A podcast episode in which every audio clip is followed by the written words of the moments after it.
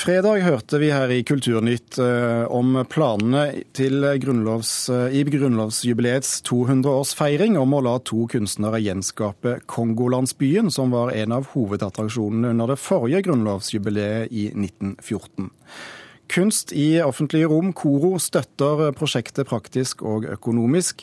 Prosjektet ble dømt nord og ned av Antirasistisk Senter og en nordafrikansk artist og skribent. I dag meldte prosjektmakerne på sosiale medier at de ble så truffet av kritikken at det ikke blir noe av likevel. We realized it's the wrong thing to do to build up this village. It does. I mean, if if if the bringing this up, just bringing it up, has caused more racism in society, then you know we apologize for that. Yeah, yeah. I mean, like you think about the kids. If any kid is hurt by this project, I would like to say I'm I'm really really sorry. Yeah. we uh, have kids too. Ja, det sa eh, Mohammed-kunstnerne eh, Mohammed Ali Fadlabi og Lars Kustner på en videosnutt som eh, er tatt opp i Dakar i Senegal i helgen og lagt ut på nettstedet YouTube. Men i dag, sier de senere i dag, så har de sagt i en e-post til oss i, her i NRK at dette blir noe av likevel. Seniorrådgiver Bo Christer Wallstrøm i Koro. Vi var usikre på om dette skulle bli noe av da vi inviterte deg hit tidligere i dag. Men du er sikker på at det at de nå har snudd igjen, faktisk er tilfellet. Hvorfor det? Nei, jeg tenker at det er veldig tydelig i dette prosjektet at disse kunstnerne jobba prosessuelt, og at de også nå har svart på, på mediediskusjonen. Og at dette er videre et, et, innlegg fra de for å fyre litt under debatten igjen. Du skal få lov å komme litt nærmere mikrofonen og fortelle oss hvorfor de forvirrer oss på denne måten.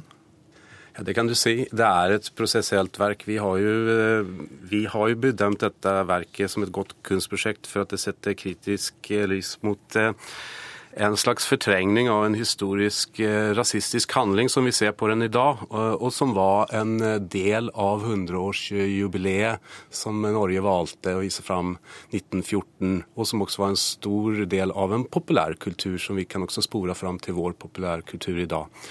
Eh, vi har bevilget midler til å gjenskape denne kongolandsbyen, som er en tradisjon innenfor kunsten som heter reenactment, og som er en eh, ganske lang tradisjon. Det er å gjenskape en historisk hendelse eh, i samtiden for å belyse denne hendelsen med nye perspektiver. Eh, vi har bevilget midler til å bygge opp selve Kongolandsbyen, og kunstnerne jobber veldig prosessuelt i forhold til dette innholdet, som er veldig komplekst, og hvor de gjør research, og hvor de også involverer diskusjonen og debatten i verket. Så du kan garantere at dette faktisk blir noe av, selv om kunstnerne sier både det ene og det andre? Eh, vi har som sagt bevilget midler til denne landsbyen, og vi vil også revurdere innholdet eh, videre i 1. februar. hvor vi også må sette en strek, eh, og hvor også deres arbeid skal være ferdig i forhold til det innholdet som denne kongelandsbyen skal fylles med. Eh, men vi må jo også si det at vi er jo vara på den kritikken som kommer, og vi lytter veldig nøye på debatten. Og jeg tror også at vi vil arbeide for å få større rom videre for at denne debatten skal kunne føres av flere. Professor i kunsthistorie Øyvind Storm Bjerke, hvordan tolker du dette prosjektet? Jo, nå har jo Wahlstrøm gitt en ganske god begrunnelse, syns jeg. Det virker som et muligens et lovende prosjekt, et prosjekt med ganske stort potensial. Men det forutsetter jo nettopp at man veier inn kritikken, som det ble sagt her. For det er absolutt et prosjekt med stort potensial.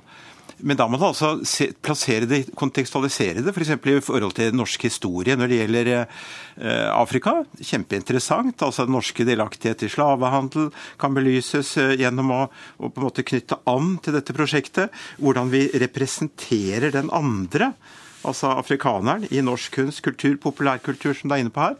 Dette er eh, helt klart relevante og spennende problemstillinger. Eh, og så er jo spørsmålet nettopp, eh, som det allerede er sagt, altså hvordan vil dette bli taklet i prosjektet? Det er det interessante her. Hvordan blir det problematisert? Og også dette spørsmålet om gjenskaping. Snakker vi om gjenskaping? Skal det f.eks. komme opp her en stamme på ca. 80 kongolesere som skal bo her i la oss si tre måneder? Hva skal de få i avlønning for det? Er det 100 kroner timen? Er det 1000 kroner timen? Altså Hva er rammene for dette? Og bare en sånn liten diskusjon om det økonomiske i dette er jo interessant. Ja, Skal dere hente buskmenn i Afrika? Det har aldri vært eh, tale eller aktuelt om å eh, stille ut mennesker på den måten man valgte å stille ut mennesker i 1914. Men det har de jo sagt at de skal. Nei, jeg mener at det er en reenactment. og det, Hvis man slår opp det i Wikipedia, så er det rett og slett en rekonstruksjon. Og vi har det faktisk i norsk tradisjon, hvor vi spiller opp ulike spill. Og ofte så er dette innenfor krigshistorie, som også er skamfull, hvor man viser ulike slag av annet. Og jeg vil bare nevne en kunstner som Jeremy Deller, som gjorde en en reenactment av en streik i 1984 i England, eh, gruvearbeidere, hvor han eh, i 2001 gjorde en reenactment hvor disse gruvearbeiderne igjen fikk, eh, og med politiet, hvor de gjorde en reenactment om denne historiske hendelsen for å belyse den i en samtid på en ny måte. Går det an å svare kort Storm Bjerke, på, på om dette er god kunst? Nei, det kan vi ikke svare godt på i det hele tatt. Men det er et potensial, det. Men altså, når det blir sagt at det er en reenactment, eh, da fordrer det også at man har noen som utfører disse handlingene, og reenact. Så jeg er helt uenig hvis Wahlstrøm forsøker å få oss til å tro at det ikke skal også være noen som må være delaktige i denne prosessen. Altså at man ikke stiller ut mennesker. Det er klart man stiller ut mennesker her, men ikke nødvendigvis kongolesere. Det kan være norske barnehagebarn i og for seg, som reenact. Men altså i dette ligger jo at det er handlinger som skal utføres som involverer mennesker. Vi har fått eh, Agnes Moxnes, vår kulturkommentator, inn i studio igjen. Eh, hvordan tolker du eh, dette spillet som har vært gjennom helgen? Nei, det er jo eh, i bevegelse, må man si. Og nettopp det Eivind Storm Bjerke sier på slutten her, at det kan være at det er hvite barn som skal inn i denne settingen. Det, var, kom det liksom tegn fra, fra, Senegal og de to kunstnerne som er der, på at det var nettopp det som skulle skje. Så jeg, jeg tror nok vi er midt inne i en prosess her nå hvor vi alle, antageligvis, programlederen Bo Kriste Wahlstrøm og Eivind Storm Bjerke, blir på en måte deltakere i et større kunstprosjekt. Men det er klart at det hviler et eget ansvar, fordi at dette her er jo det er jo en historie som, som, dras frem her, som går rett inn i liksom smertepunktet på en hel folkegruppe. Det å stille ut levende mennesker.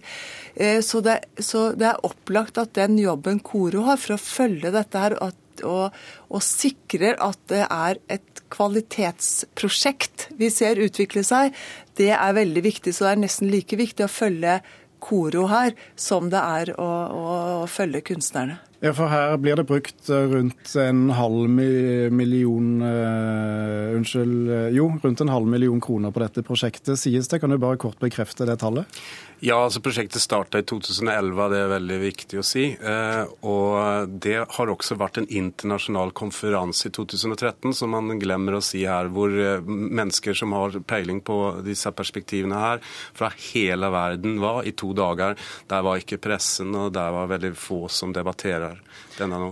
Er det greit at vi lar oss eh, forvirre av om disse pengene går til harrytur i Dakar, eller om det faktisk blir kunst av det? Nei, det må bli kunst av det. Det er opplagt. Det kan ikke bli harrytur. Og vi kommer til å følge det nøye. Samtidig så er jeg helt enig i det Utgangspunktet for dette prosjektet er jo at man henter ut en del av norsk historie som er blitt fortrengt og glemt. Og det er, så Sånn sett, så langt, så er dette fortjenestefullt. Men den viktigste kritikken og den største kritikken disse kunstnerne nå får, det er fra det norsk-afrikanske miljøet, som var i harnisk da dette ble kjent i 2011, og som er i harnisk igjen nå. Og Vi sitter kanskje allerede midt i kunstverket, som du sa, og det kommer vi kanskje til å gjenta også før vi får se om det blir noe i Frognerparken eller ikke. Takk skal du ha, Agnes Moxnes. Takk også til Øyvind Storm Bjerke og Bo Christer Wallstrøm.